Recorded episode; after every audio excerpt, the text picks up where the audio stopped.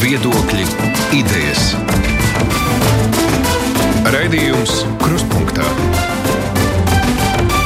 Ar Raidījums Krustpunktā. Aizsmeļamies, Tamsons šeit studijā. Vai tiešām mēs varam finansiāli atļauties visus tos glābšanas un palīdzības pasākumus, kurus esam uzņēmušies un vēl uzņemsimies, lai pārvarētu pandēmiju? Mēs arī nemaz nezinām, cik ilga krīze ievilksies, un vēl jau būs jāpalīdz tad, kad ekonomika sāks atdzīvoties. Finanšu ministrs ir paziņojis, ka Latvijas rīcībā tagad ir 4 miljārdi eiro un naudas pietiks. Bet kādi tad ir tie tālākie attīstības scenāriji, gan labvēlīgākie, gan sliktākie, un kā tad būtu pareizi maksimāli gudri tērēt tā, lai pēc tam varētu atkal pelnīt. Par naudu un par perspektīvu šajā stundā tad arī vairāk runāsim. Attālināt mums ir pievienojušies divi mācību spēki, kas ir Rīgas Tehniskās Universitātes ekonomikas fakultātes dekāne Elīna Gaila Sarkani. Labdien jums! Labdien! Un Latvijas Universitātes profesors Gundars Bērziņš. Sveicināti! Labdien! Arī finansists Girts Rungainis. Labdien! Labdien! Jā, un uzņēmējs un ekonomists Jānis Ošlējs. Labdien! Atceroties to līdzinējo sāpīgo pieredzi, kas bija vēl tad, kad bija iepriekšējā krīze, ir arī saprotama tā ļaužu skepse par to, ko tad mēs varam atļauties.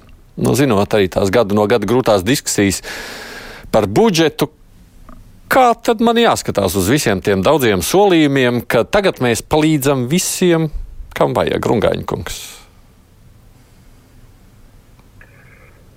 Uh, nu, uz viņiem var skatīties katrā ziņā pozitīvāk nekā bija iepriekšējā reize, jo iepriekšējā reize mūsu ekonomika kopumā valsts konkurētspēja uh, pēc tās nekustamā īpašuma, saka, uh, tirgus augšupējas ballītes un uh, finansējumu, kas ienāca no skandināvu bankām lielākoties.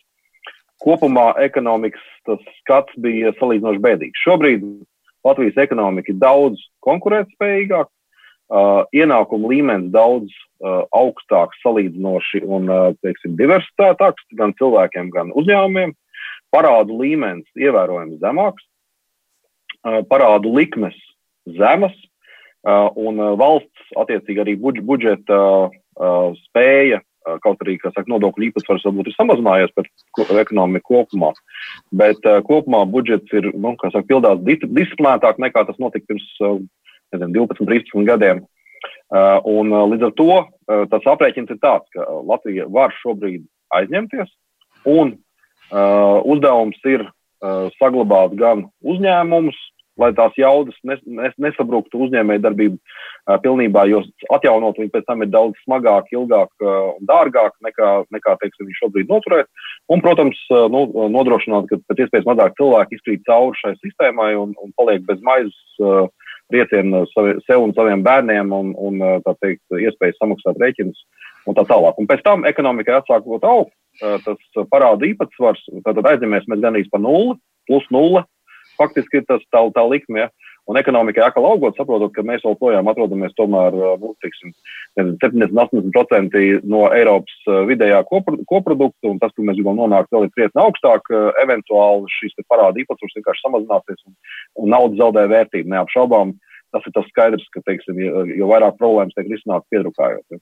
Mm. Tas nozīmē, ka mēs reiķināmies ar devalvāciju, aizņemoties pa nulli, beigās esam ieguvēji šādā veidā. Kaut kā tā apmēram izklausās tas. Nu, ja es varu neaizņemot visu ēteru pabeigt, tad, protams, skaidrs ir tas, ka uh, na nauda uh, devalvēsies lēnā, lēnā garā, un to es esmu novērojis jau, kā saka, 30 gados, kopš esmu biznesā, ja naudas pirktspēja ir, ir, ir zudusi daudz ātrāk nekā ir notikusi šī šķietamā inflācija. Vienmēr tie, kuri tajā brīdī pelna un uh, nopelna un strādā, faktiski ir lielākie ieguvēji pret tiem, kam nauda stāv uh, bankā uh, vai, vai ir kaut kāda uzkrājuma. Jo liel, lielā aina ir tāda, ka tā teikt, varbūt kaut kādā brīdī pirms nezinu, 50 gadiem, kad mēs vēl nebijām brīvajā pasaulē, ir paņemta paņemt tā likme pa augstu. Respektīvi, ka darba ražīgums un viss cits atļaus, nezinu, maksāt augstākas pensijas, darīt daudz, daudz ko citu, un, un faktiski zināmā mērā ir jā, jāmaina šis te, uh, līdzsvars, un šo, šī līdzsvara maiņa notiek. Notiek, uh, teikt, vērtības konfiskācija tiem, kam nauda ir, uh, par, par labu šodien, šodien strādājošiem, dzīvojošiem teikt, cilvēkiem lielākā mērā. Kā kopumā tas nav patīkams process kapitālistiem droši vien salīdzinoši tiem, kas nespēj izdzīties līdzi un tiem, kam ir naudas uzkrājumi. Bet nu, tā, tā sistēma šobrīd darbojas. Sarkans kundze, tad es teikšu tā, no šāda viedokļa skatoties šobrīd tiešām, nu, labi, kas ir, uz, ka nav uzkrāts, tas gan izvēle labi, tagad jāsaka, jāņem tikai kredīts un arī valstī šajā brīdī, nu, labi, 4 miljārdi, kaut vai 4 miljārdi, vai tā? Es domāju, jā, šis, es, jautājums, jā, šis jautājums ir jums domāts, jā. Uh, nu, es domāju, tā, ka uh, uz šo, vispār, šo situāciju var skatīties no ļoti dažādiem skatu punktiem. Uh, Es to sadalītu tādos droši vien četros galvenos līmeņos. Pirmais mums ir jāskatās uz to, kas notiek globāli. Un, globāli mēs saprotam, ka šī ekonomiskā krīze skars, nu, ekonomiskās pandēmijas sekas skars mūs visus. Un Rungaņa kungs aizskāra tādu jautājumu, kā šī naudas devalvācija. Bet, ja mēs skatāmies globāli, tad faktiski šie līdzekļi, kur ir pasaules mērogā pieejami, viņi ir ļoti polarizējušies. Mums ir daudzi, teiksim, tā mēs varam, statistika liecina, ka ir cilvēki, kuriem pieder gandrīz 80% no visiem lielākajiem, teiksim, naud, no lielākās naudas masas. Un, līdz ar to, skatoties uz šo globalizāciju, gribē, nu, globālo situāciju, gribētos domāt, ka šī ekonomiskā krīze varbūt mazinās to polarizēšanos šo naudas līdzekļu. Nu, Kāpēc jūs, kas, kas liek to tā domāt?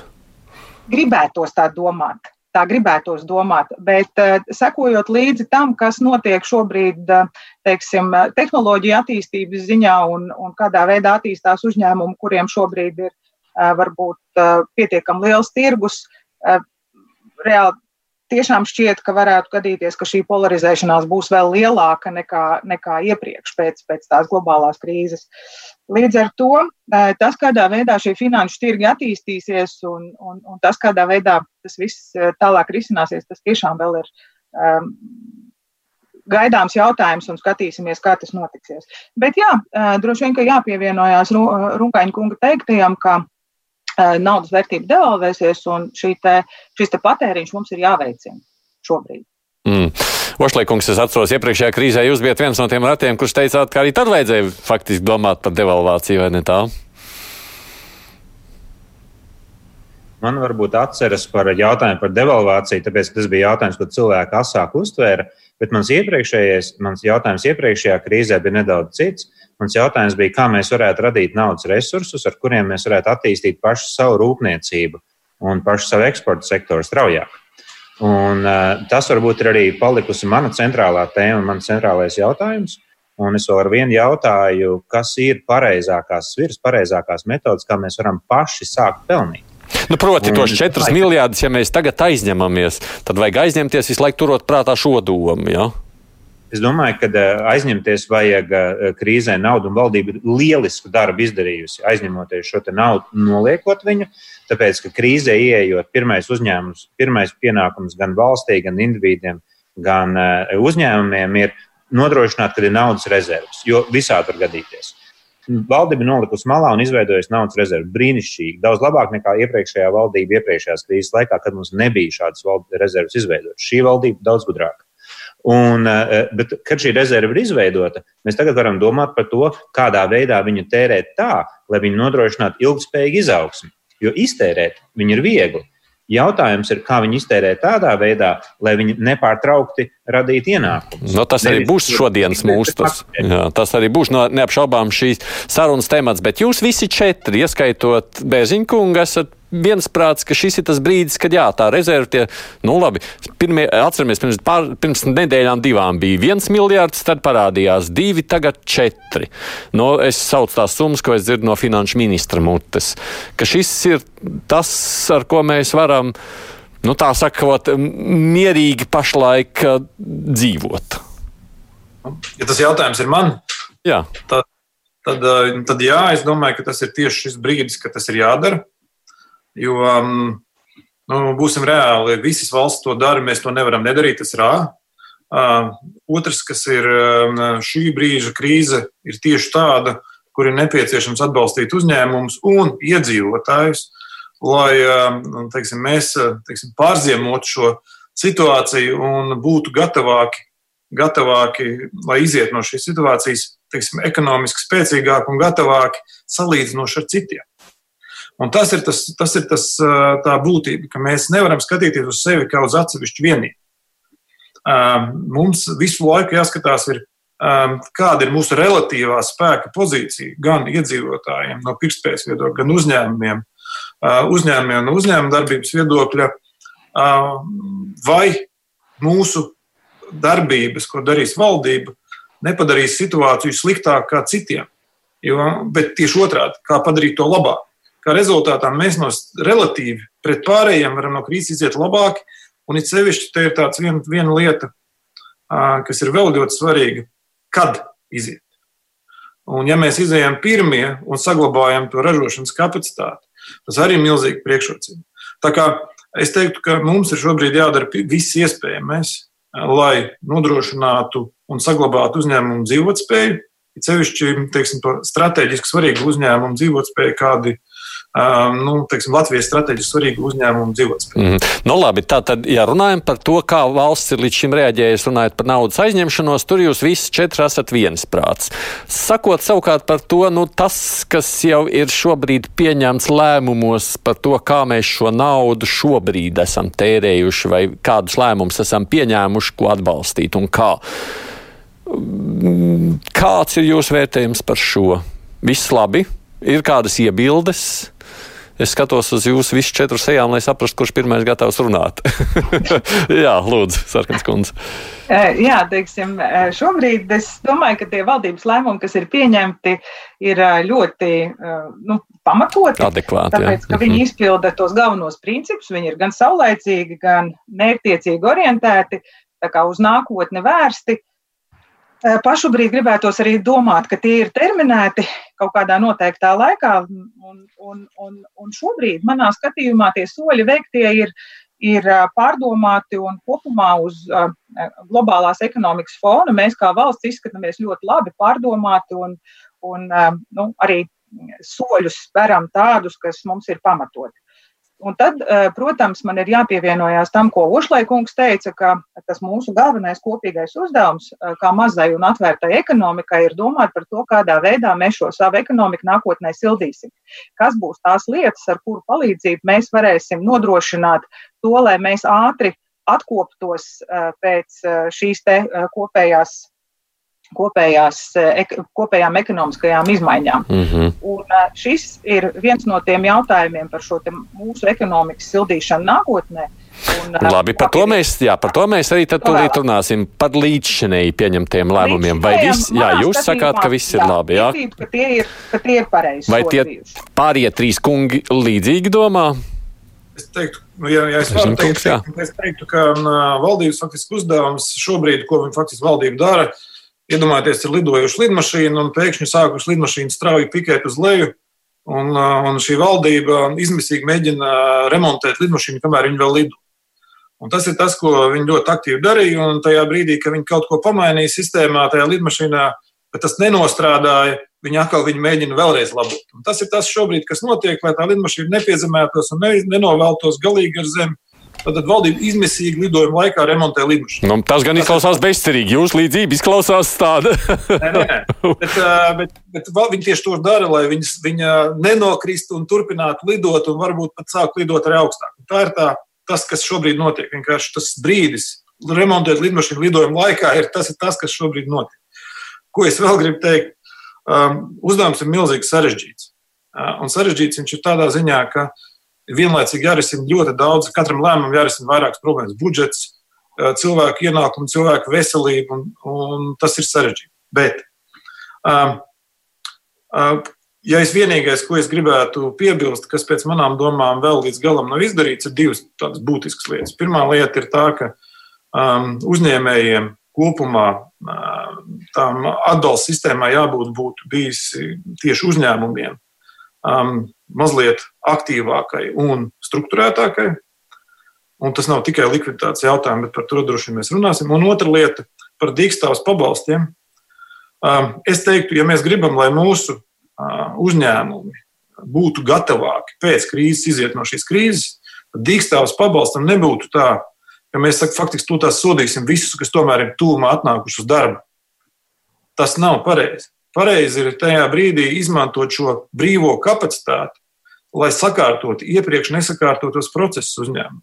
Uzņēmumos vienmēr ir vesela rinda procesu, kas nav sakārtot, tāpēc, ka nav laika jānodarbojas ar biznesu. Šobrīd tos cilvēkus, kas nevis sēž mājās un atpūstās, atpūšās, teiksim, arī citreiz pamatot uz valsts rēķina, ja, viņi, ja to var šo potenciālu izmantot, lai domātu, kā attīstīt uzņēmumus, lai domātu, kā sakārtot saku, procesus, iekšējos procesus, klientu procesus, jebko, kas mūs sagatavotu nākotnē, tad tas būtu bijis labāk. Tā ir mana tāda, mm -hmm. tāda aktīva replika par to, kā mēs mēģinām nu, tā, īstermiņā domājot par valsts līdzekļu neizšķērdēšanu nedomājam par to, kā sagatavot uzņēmumus un arī darbiniekus un arī iedzīvotājus pēc krīzes periodam.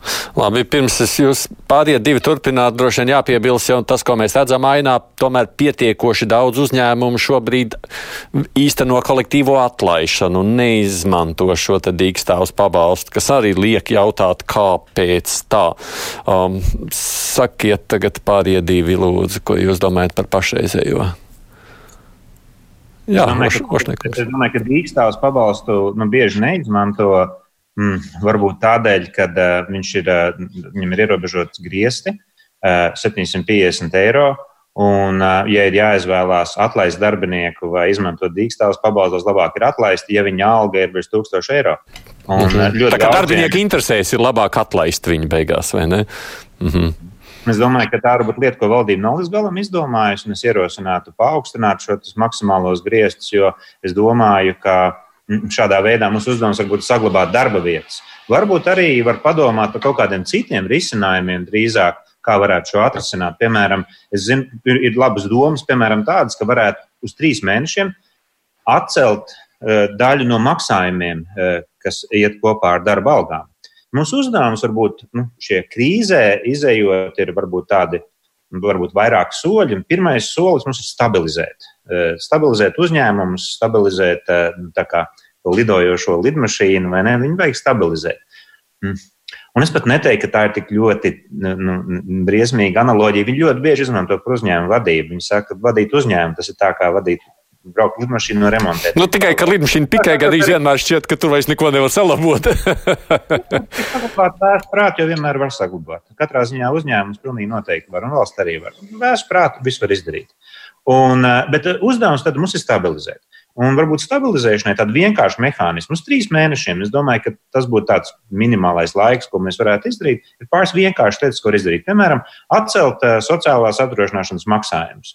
Trīs mēnešus mēs viņus atceltu, valsts budžetā būtu rops, Bet daļai tas būtu arī attiecībā uz ilgtermiņa pensijām, bet ilgtermiņa pensijas tas ir virtuāls ieskaits tā vai tā, un tas ir kaut kad nākotnē, un mēs pēc tam atrisinātu. Bet trīs mēnešus noņemt šo slogu no uzņēmumiem.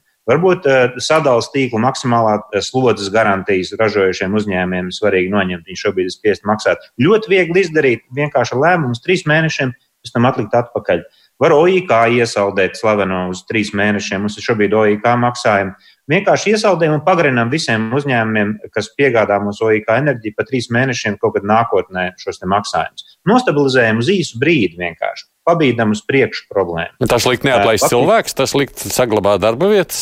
Domāju, ka tas paaugstinātu uzņēmumu likviditāti un konkurētspēju šajā brīdī. Jo tas, kas mums ir svarīgi, ir šajos trīs mēnešos nosargāt, ka uzņēmumiem pietiekama likviditāte, pietiekama konkurētspēja, viņiem veidojas kaut kādas rezerves. Jo mums visiem ir vajadzīgas rezerves šobrīd, lai pārdzīvotu tā, kā valsts izveidoja 4 miljardu rezervi, arī uzņēmējiem jāizveido šīs rezerves. Un tas jautājums ir, kā, kā to visefektīvāk panākt. Varbūt mums varētu arī, nezinu, Latvijas valsts meža varētu garāks maksājuma termiņus pa kokiem iedot, lai uzņēmumiem veidotos rezerves apgrozāmajos līdzekļos. Uh, varbūt mēs varētu arī, tagad, nu, nu, domājot par uh, par, par ekonomikas sildīšanu kopumā arī, lai uzņēmumos veidotos kaut kādas rezerves, varbūt uzlikt valsts kasi, ka pašvaldības eh, neierobežo eh, pasūtījumus šobrīd, bet turpina viņus. Nu, tas ir vienkārši tā doma, lai mēs stabilizētu šos trīs mēnešus, lai neveidotos tāda negatīva spirāli. Ja es pareizi saprotu, ja jums, jā, tad ir runa par to, ka līdz šim ir labi tas, kas ir darīts, vienkārši varētu jā. meklēt papildus kaut kā tā. Es domāju, jā, un padomāt par veidiem, kas ir vienkārši administratīvi, viegli izpildām veidi, neprasa lielu resursu, bet laikā terminē. Trīs mēneši, kas mums ir varbūt šajā brīdī tā aktuālākā krīze, trīs mēnešiem izdarīt šīs lietas, pēc tam atlikt viņas atpakaļ. Bet izveidot zināmas rezerves uzņēmumiem. Mm -hmm. Labi, un Gaņkungs. Uh, nu, no uzņēmējiem, protams, atskan diezgan liela kaukoņa daudzos gadījumos tieši par, par, par šiem te, uh, dīkstāvus uh, pabalstiem, par to apjomu, par to, ka netiek maksāts, uh, nedrīkst maksāt valsts, valsts locekļiem vai kādā ziņā visādi apgrūtinājumi. Es domāju, tas ir arī, nu, kas ar kopumā. Mēs esam ilgi karojuši ar zakšanu, tā teikt, un izsaimniekošanu un būvējuši sistēmu, lai viņi cīnītos. Savstarpējās uzticamības līmenis ir, ir zems salīdzinoši tomēr vēl joprojām sabiedrībā. Un nu, tā atšķirība dažādos represīvos organos, kā valsts ieņēmuma dienestā un tā tālāk, ir, kā es kādreiz smējos, ka nu, viņi skatās uz uzņēmēju apmēram tā, ka tas ir, tas, tā, nozie, tas ir noziedznieks nozieguma veikšanas procesā vēl nav noķerts. Ja?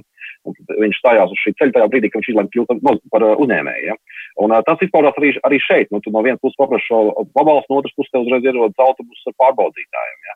Valstī tomēr būtu tiešām jā, jāatstījā varbūt kaut kādi lielie spēlētāji, nodokļu maksātāji, un viņiem jādod naudu, saprotot, ka viņi nekur neliksies un viņi nevar kaut kā faktiski tomēr sistēmiski krāpties. Ja? Un ir, protams, daudz visādas nianses. Ir dažādi uzņēmumi. Ir uzņēmumi, piemēram, kuriem ir veikala ķēde Lietuvā, kura ir aizlikta cieta bet uh, teiksim, viņi nevar kaut ko darīt ar, dar, ar tiem darbiniekiem, kas, kas faktiski vadīja šo lietu. Lietuvas ķēdi, jo viņi strādā Latvijā, bet uzņēmums Latvijā kopumā vēl nav nokritis zem šiem kaut kādiem 20% apgrozījumu rādītājiem un tā tālāk. Ja.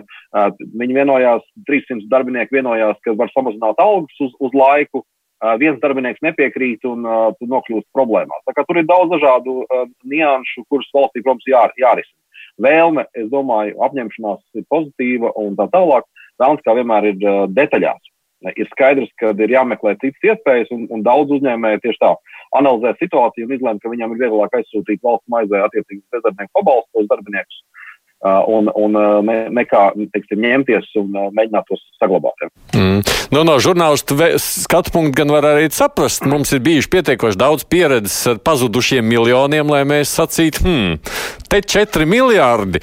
Nu, kāds jau noteikti labprāt gribēs, ieba, un droši vien, kāpēc gan ne, kāds jau labprāt varbūt izmantot to iespēju. Kaut kā taču ir jānodrošinās, lai tas ir nu, maksimāli godīgi, vai ne tā? Es domāju, ka mums ir jādomā par godīgumu noteikti, bet es, es gribētu nu, pateikt, ka uh, citreiz man liekas, mēs par daudz koncentrējamies uz to, nu, vai viss notiek maksimāli godīgi. Un, nu, būsim tā, nu, reāli, mēs dzīvojam sabiedrībā, ir dažādi cilvēki. Es esmu saticis dažādus cilvēkus arī savā ikdienā, un arī uzņēmēju starpā, bet es domāju, ka mums vairāk jādomā par to, kā mēs tomēr dabūjam izaugsmu. Un tos dažus, kas nozog, viņu dēļ mēs nevaram apstādināt tomēr plānus un domas, kā mēs varētu attīstīties sekmīgi. Mm. Jā, tas, tas ir līdzīgi kā, li, kā lielveikalā. Lielveikalos, kā zināms, dažādās valstīs dažādi, bet nozog apmēram 2-3%. Uh, ja, lai izskaustu šos 2-3%, ir uh, teikt, šī iepirkšanās pieredze būtu smagi jāapgrūtina un jāsadārdina visiem cilvēkiem. Un tad tas risinājums ir tāds, ka principā arī godīgie samaksā par negodīgajiem, un viņus tāpatās mēģina izķert, bet tas notiek kaut kādā manierē. Ir jāatrod kaut kāds līdzsvars tajā. Tā kā vienmēr neizliet to bērnu kopā ar netīro ūdeni no tās vannītes. Mm. Nu, labi, es atgādinu tikai klausītājiem un skatītājiem, kas pievienojas vēlāk mūsu šai sarunai, ka mums ir saruna par finansēm un to, kā tad tālāk veiksmīgāk šo naudu lietot. Rīgas Tehniskās Universitātes ekonomikas fakultātes dekāna Elīna Gaila Sarkani, Latvijas Universitātes profesors Gundars Bērziņš, uzņēmējs ekonomists Jānis Ošlejs un finansists Ģirs Rungains. Mums ir attālināti pievienojušies mūsu sarunai. Raidījums Krustpunktā.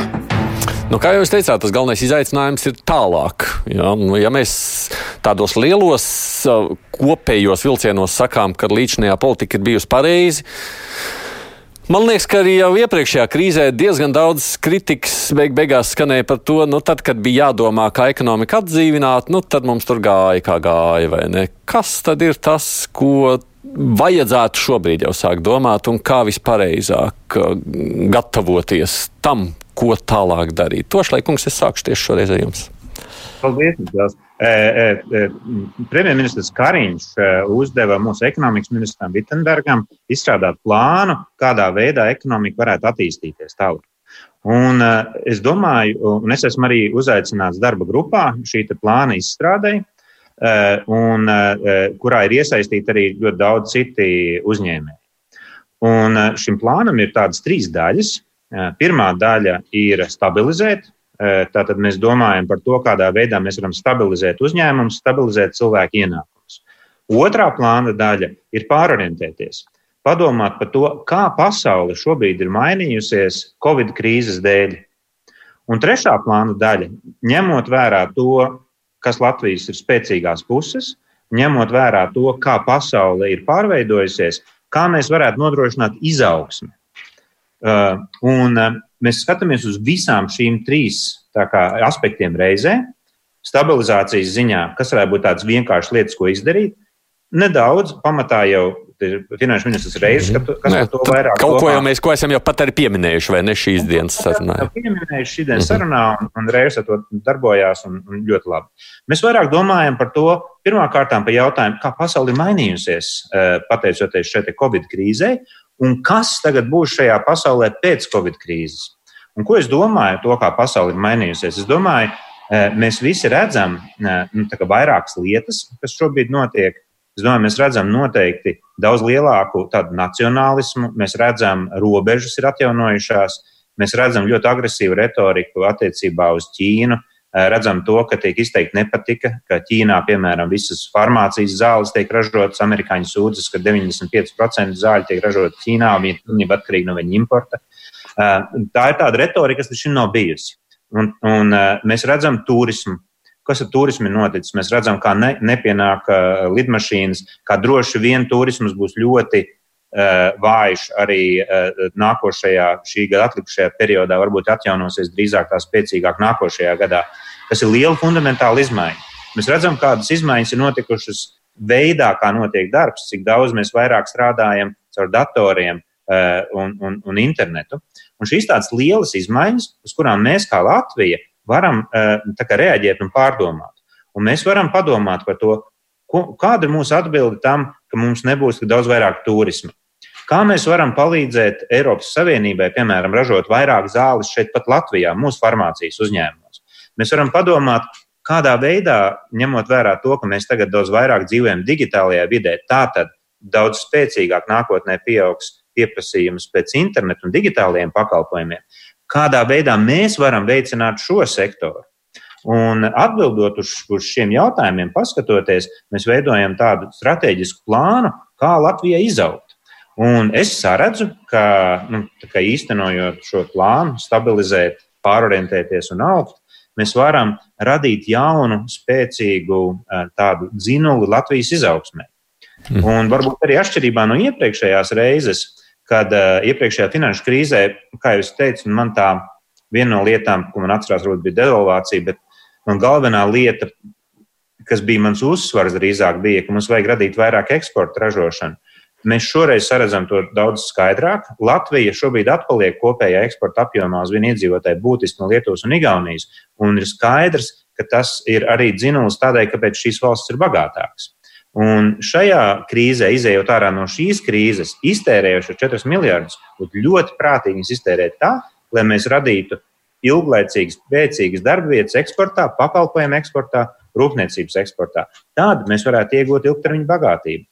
Tā kā tā Labi, pārējie tagad iezīmēja to nākotnes iespējamo virzību. Rungaņkungs. Jā, ne, nu skaidrs, ka pasaule mazliet, uh, kas saka, pamainīsies. Kaut gan es esmu skeptisks par to, ka tās izmaiņas varētu būt tā kā radikāls un mm -hmm. liels. Parasti ir tā, krīzes, krīzēs pātrinās tās tendences, jau, kas ir notikušas, kas, saka, kas ir augšupējošas tendences, ja, un uh, arī pātrinās lejupējošās tendences, respektīvi tie, kuriem ir, ir lemts nomirt, tie, uh, tie nav iestāsies ātrāk. Ja. Savukārt tie, kur, kas laužās jaunie spēki ārā, viņi varbūt ienāk mazliet ātrāk. Ja. Jo jāsaprot, ka deglobalizācija un relokalizācija, tās bija tendences, kuras jau ir sākušās pirms laba brīža. pirms gadiem. Pat, un pat ne ar Trumpu vai kā savādāk. Jo šī izpratne, ka nu, tas nav normāli funkcionē, tās idejas, ka pasaule ir plakana un ka katru pēdējo sīkumu saražo kaut kur, nezinu, kur, veids pār visai pasaulē, neskaitāms reizes uz priekšu atpakaļ, liekot kaut ko kopā. Tas gan no, no ilg, ilgspējas, gan ekonomikas, gan apkārtējās vidas ir skaidrs, ka tas tā funkcionēt nevar. Ķīna ir paaugusies, visa rietumu pasaule viņu ir veiksmīgi saka, attīstījusi un atļāvusi viņai apzināti vai neapzināti zakt un izmantot finanšu resursus un izmantot šo iespēju, teikt, ātri apgūt to, kas ir sen apgūts rietumu pasaulē. Viņi ir sasniegusi izmēru un vēlas, tā teikt, pati noteikt daudz ko nedzīvot, neņemt vērā kaut kādas spēles noteikumus, nemaksāt par šo, šīs spēles uzturēšanu. Tagad ir jaunā pasaule, tā ir bloku pasaule. Un līdz ar to skaidrs, ka kaut kādas lietas lielākā mērā tiks ražotas bloku iekšienē, un notiks relokalizācija, respektīvi. Un arī šī koncentrācija, kas aizgāja pasaulē, lielā mērā bija noveda pie šīs te lielās noslāņošanās un, un arī bagātības koncentrācijas. Ja?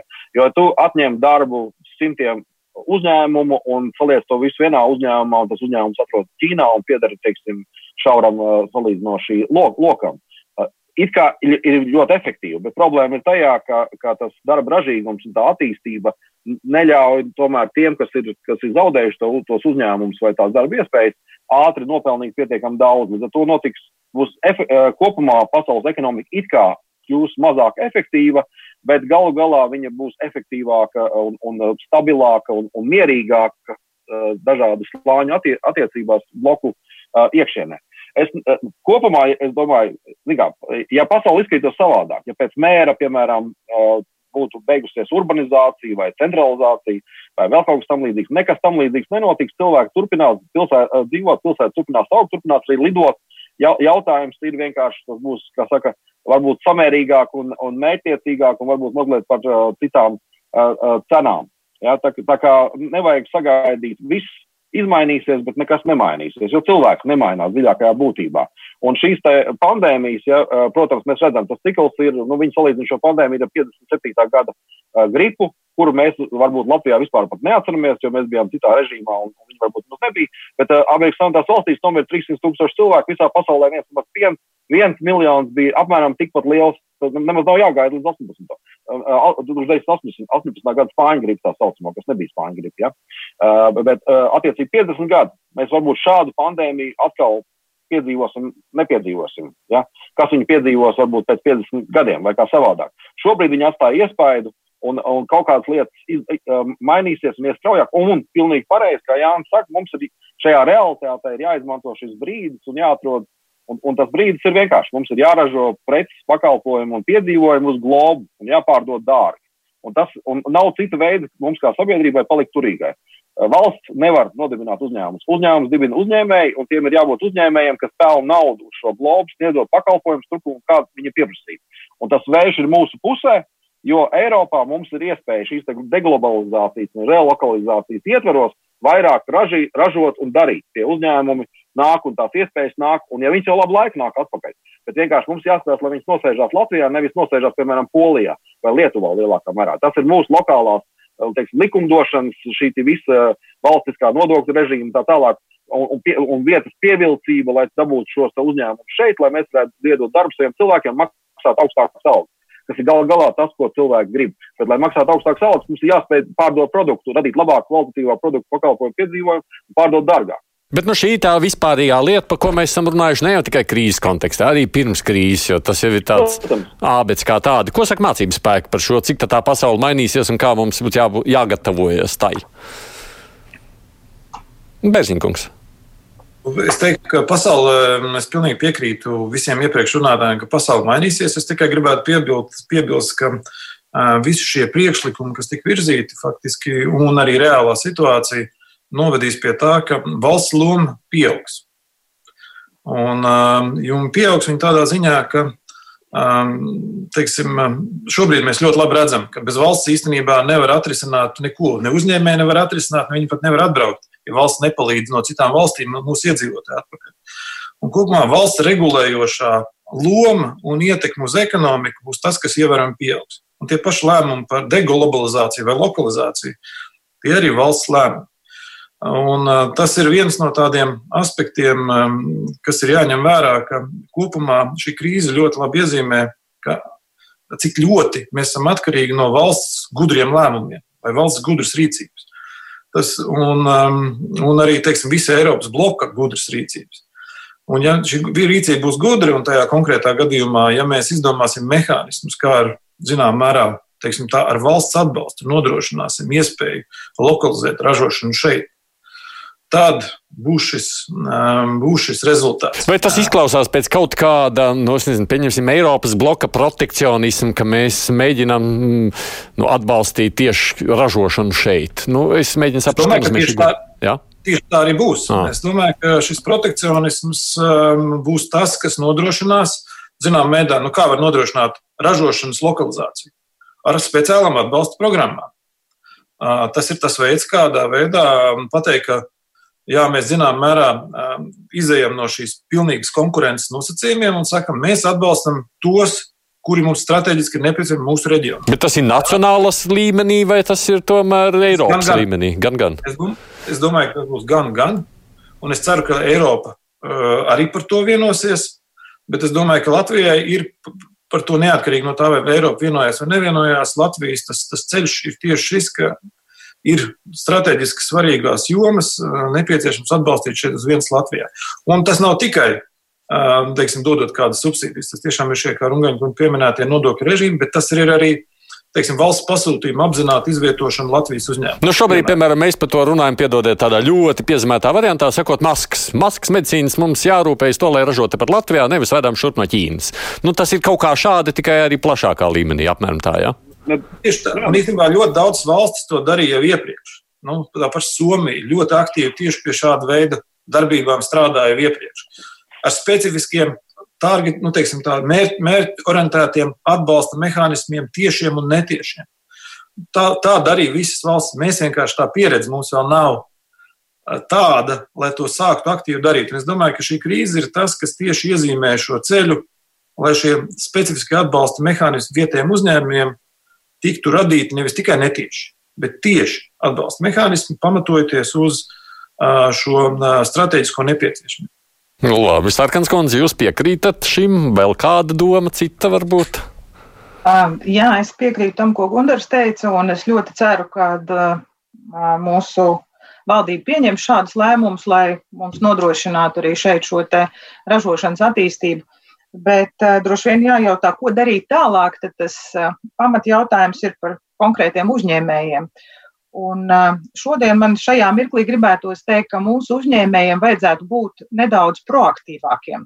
Tā iemesla dēļ, ka nu, labi, mums šobrīd ir um, aizvērts ciet dažādi veidi, aizslēgts ciet dažādi veidi uzņēmumi, un uh, uzņēmēji paliek, nu, tad arī darbinieki paliek bez darba, un jautājums ir, ko darīt tālāk. Un šo, šo laiku var izmantot, protams, noteiksim, personīgām vajadzībām, bet var arī domāt par šī biznesa pārorientēšanu. Un tajā mirklī, kad sākās šī te, nu, pandēmija un tika runāts par to, ka tiek slēgti, piemēram, ēdināšanas uzņēmumi, man visu laiku nepamet doma, kāpēc nevar pārorientēties no tā, ka tur to ēdienu piegādā mājās.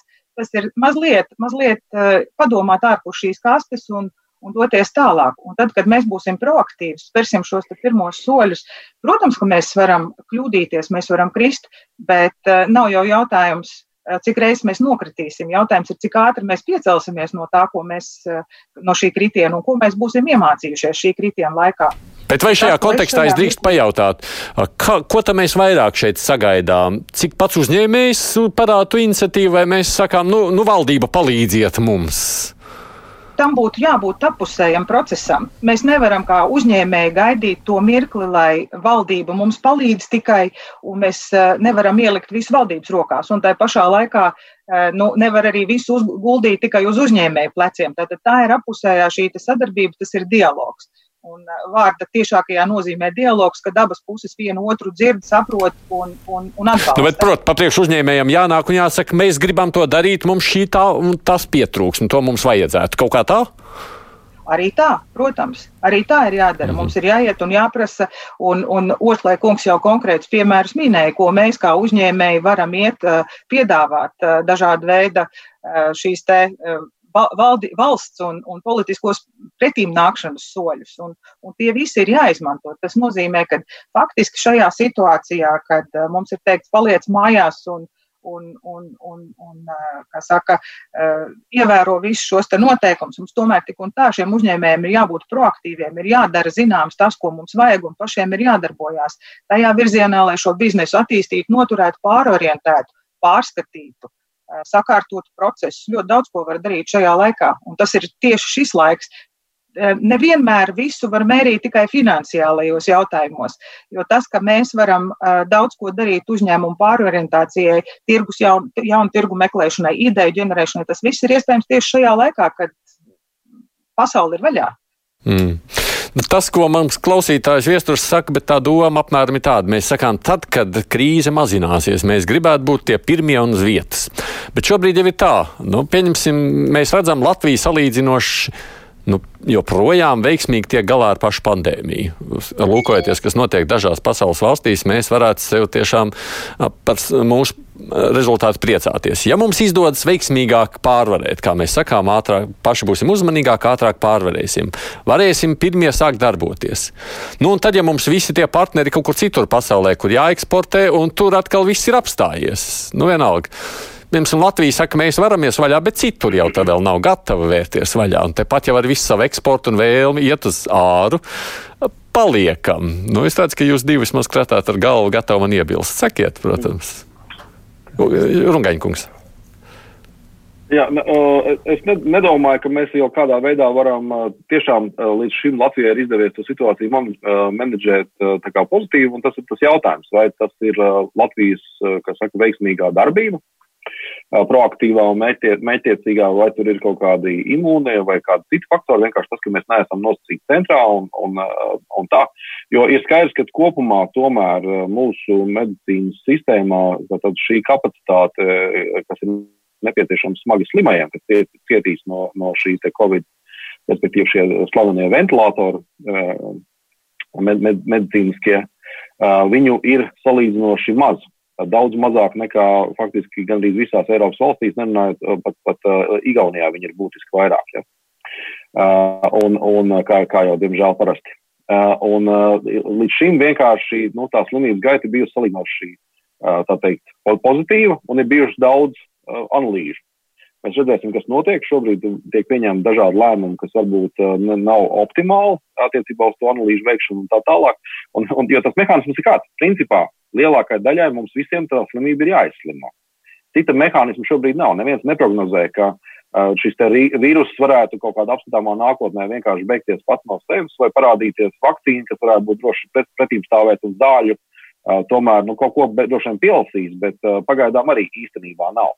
Tā kā, un, un mēs redzam, Vācija veiksmīgāk teiksim, risina šo, šos jautājumus nosacīt. Tur iet jau šobrīd raksts, kas saka, to, ka Vācija būs tā, kas būs uzvarētāja pēc šīs krīzes. Itālijai ir cerības, nu, tā teikt, pirmai un smagāk slimojušai, bet droši vien arī pirmai relatīvi varbūt nākt vaļā un tā tālāk. Es nedomāju, ka mums ir jāuztraucās par to, ka mēs, kā saka, tiksim galā ar savām problēmām, un pārējās vietas vēl nebūs mūsu, tā teikt, uzletošajai saulē gatavs. Ja? Es domāju, problēma vēl joprojām ir, kā mēs tiksim šai krīzei cauri, vai šī medicīnas kapacitāte nerī, nerīsies. Un šis ne, nekas nav noticis. Pat ja mēs iziesim, nezinu, 15. maijā vai 15. jūnijā, mēs iziesim no šīs stingrās karantīnas un pārdzīvosim vasaru, darba variants ir tāds, ka visa nākamā ziema turpināsies principā lēna, galvenā cerība lēna slimošana kuru spēj izturēt uh, mūsu medicīnas sistēma, respektīvi, smagi slimo skaits nav lielāks par ventilāciju. Nu, labi, vai mēs šādā situācijā, kā jūs iezīmējat, kas ir nu, diezgan neiepriecinoši, sakot, ka vēl visu nākamo ziemu mēs šādā pašā veidā eksistējam, mēs varam kaut kā to ekonomiku, nu, mēs taču arī negribam visu sēdēt mājās visu nākamo ziemu un neko nedarīt. Tā taču arī ne, vai ne? Tieši tā, mēs nesēdēsim. Mm. Jā. Tieši tā, es personiski uzskatu, ka nu, infektuologiem būtu jādarbojas daudz proaktīvāk nekā viņi rīkojās šobrīd. Es domāju, ka ir iezīmējušās šobrīd pasaulē vairākas stratēģijas, kādā veidā notiek cīņa ar šo vīrusu. Un mēs esam izvēlējušies nu, atlikt uz kaut kādu brīdi šī vīrusa iestāšanos, cerot, ka viņš kaut kā pazudīs pats no sevis, bet viņš droši vien nepazudīs.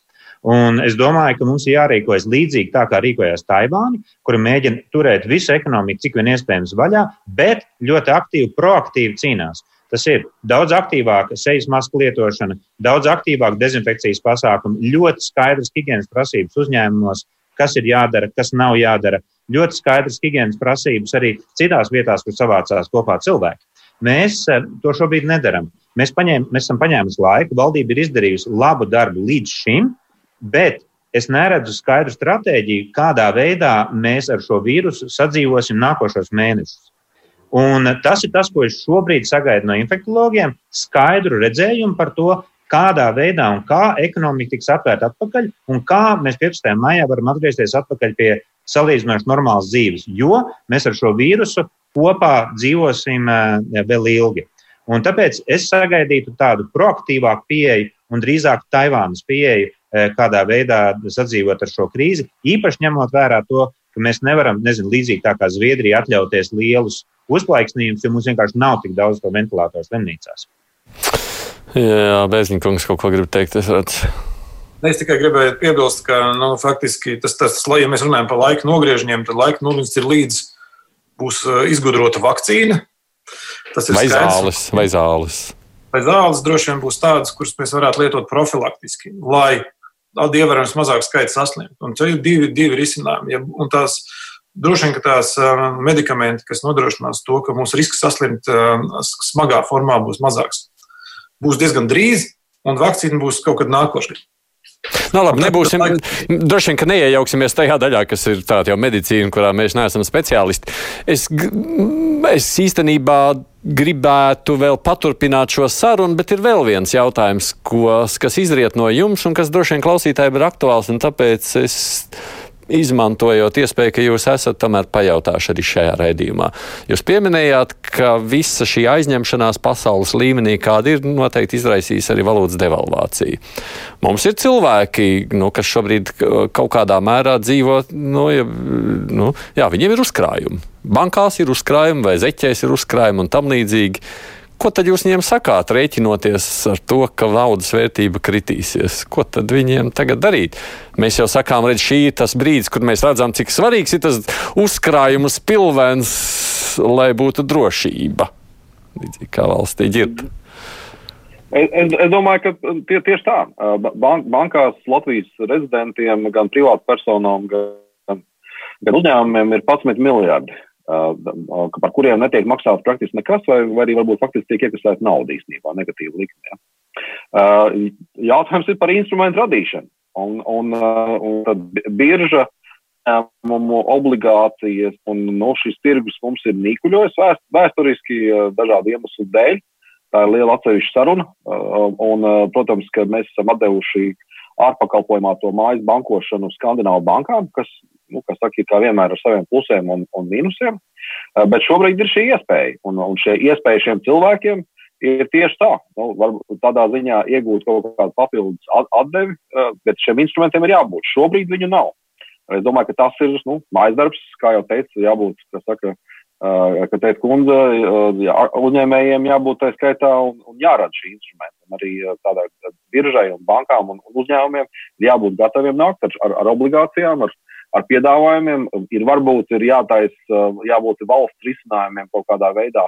Ja Eiropa runā par uh, Eiropas uh, privātu kapitāla fondu, kur investēt, un, un tas, ko Bērziņkungs teica, ja, uh, tad uh, arī Latvijai kaut kādā veidā varbūt ir jāskatās veidot šādu nosacītu, kur ir, kur ir garantēta kaut kāda pamatsummas nezaudēšana un, bet īstenībā, kas ir fonds, kas, kas tā teikt, darbojās un palīdz šī ekonomikas atjaunotnes, un nākam, ja tiek radīts labas prioritātes un ir skaidrs, kur mēs tālāk ejam, palīdzēt un iesaistīt tos cilvēkus, kuriem ir šie 11 miljārdi. Kopumā tā teikt, daļu no šīs naudas kaut vai šī atjaun, atjaunotnē. Ja? Tā kā, es domāju, tā ir tā atbilde. Visādi citādi, protams, investīciju iespējas kā tādas nemainās. Bet, un, un ir ne, ne, nu, nekustamais īpašums ir vien, vienmēr klase, ir, ir fondi, kur investēt tās, tā tālāk. Biržas pasaulē ir pakritušās, un, un investīcija iespējas ir, protams, būs arī ārpus Latvijas. Bet, bet ir skaidrs tas, ka bez riska daudz nopelnīts pasaulē, kur likmes ir faktiski negatīvas, un tagad ar šo te uh, kataklizmu vēl ilgāk būs negatīvas, un vai faktiski ļoti, ļoti zemas. Ja? Nu, cilvēki nevar sagaidīt. Viņiem ir jāatrod veids, kā saprātīgi ņemt risku. Un, un kapitālisms darbojas tāpēc, ka katrs lielākā mērā domā par sevi un ir gatavs tos riskus ņemt. Bez risku variantu nav. Mm -hmm. Visu valsts, tā teikt, mums, saka, valsts augumus mums, tā teikt, atbrīvot no problēmām nevar. Nu, jā, nu, labi, Sarkans kundze. Jā. jā, es, es vienkārši tādu vienu maz piebildītu, jo faktiski mēs šobrīd esam Latvijas radio viens intervijā un vis, visticamāk, ka nu, kādiem 3 līdz 5 procentiem iedzīvotāju no tiem, kur klausās Latvijas radio viens, ir uzkrājumi tādi, par kuriem būtu vērts vispār uztraukties. Uh, lielākā daļa no iedzīvotājiem, tie, kur klausās šo konkrēto radio, nav nekādu uzkrājumu. Jā. Nav šo uzkrājumu patiesībā. Šī diskusija droši vien ir lieka, bet atbildot uz šo jautājumu, ko tad darīt? Mēs esam pārdzīvojuši vairākas banku krīzes, mēs esam pārdzīvojuši pēdējo 20 vai 30 gadu laikā trīs dažādas valūtas maiņas. Es domāju, ka mums ir uzkrājusies vēsturiskā pieredze, ko darīt šādās situācijās. Un, ja nu kādam ir kaut kas liekas, investējiet kādā labā pirkumā, un jūs dzīvosiet laimīgi. Aha, jā, jā. Tas, jā, jā. Tas ir ieteikums sadzīvisks. Jā, ģirt. Es gribētu pie, pie, piebilst vienkārši, lai cilvēki nesabīstās, lietot to vārdu devalvācija. Mēs runājam par naudas ilgtermiņa pirktspējas zudumu vai, vai kritumu. Tas ne, ne, nekas netiks devalvēts, netiks denominēts vai kā savādāk. Uh, pirktspēja un, un, un eiro un dolāru cietums vienkārši skaidrs tādā veidā, kā ekonomika darbojās tā teikt, nu, faktiski uzkrājumi, ja uz viņiem nespēja nopelnīt, viņi relatīvi zaudē savu pirktspēju. Tātad, mm -hmm. nu, tā par to ir. Nu, jā, par to es, es, es zinu, es jūs labprāt paturpinātu arī un paklausītos. Es domāju, nu, es esmu mazliet skeptisks, vai tikai 3 līdz 5 procentiem klausītāji tas ir aktuāls. Es domāju, kaut kādā mērā jau es pieļauju, ka vēl tas varētu būt aktuāls, bet ko ar to naudu pēc iespējas pareizāk, labāk izdarīt, jo tie miljardi, nu, tas ir fakts, ka viņi tur tajās bankās ir patiešām. Un jautājums ir aktuāls un droši vien vien atsevišķi sarunas vērts. Mums vienkārši laiks ir beidzies. Tāpēc es jums saku paldies, ka jūs mums šodien piedalījāties tādā uh, kopējā skatā, lūkojoties uz nākotnu un ekonomiku. Tiem maniem četriem viesiem, kas attālināti šeit bija, uzņēmējs ekonomists Jānis Ošlejs, Rīgas Tehniskās Universitātes ekonomikas fakultātes dekāna Elīna Gailis Sarkani, finansists Girts Rungains un Latvijas Universitātes profesors Gundars Bērziņš. Paldies jums! Es vēl īsti klausītājiem saku, ka mēs tiekamies šodien raidījumā divas puslodes, tas ir pulksten trijos, un runāsim par to, kas notiek pasaulē. Mēs kādas astoņas valsts grasāmies sazvanīt, sarunājoties ar klātienē ar cilvēkiem, kā tā situācija ir ļoti dažādās valstīs, runājot par pašreizējo pandēmijas ainu. Tas ir tātad trijos Latvijas radio ēterā, bet šīs dienas raidījums līdz ar to izskan producentu kruspunktam Evijā Unām un studijā bija arī es, Haidis Tomsons. Fakti, viedokļi, idejas. Raidījums Kruspunkta ar izpratni par būtisko.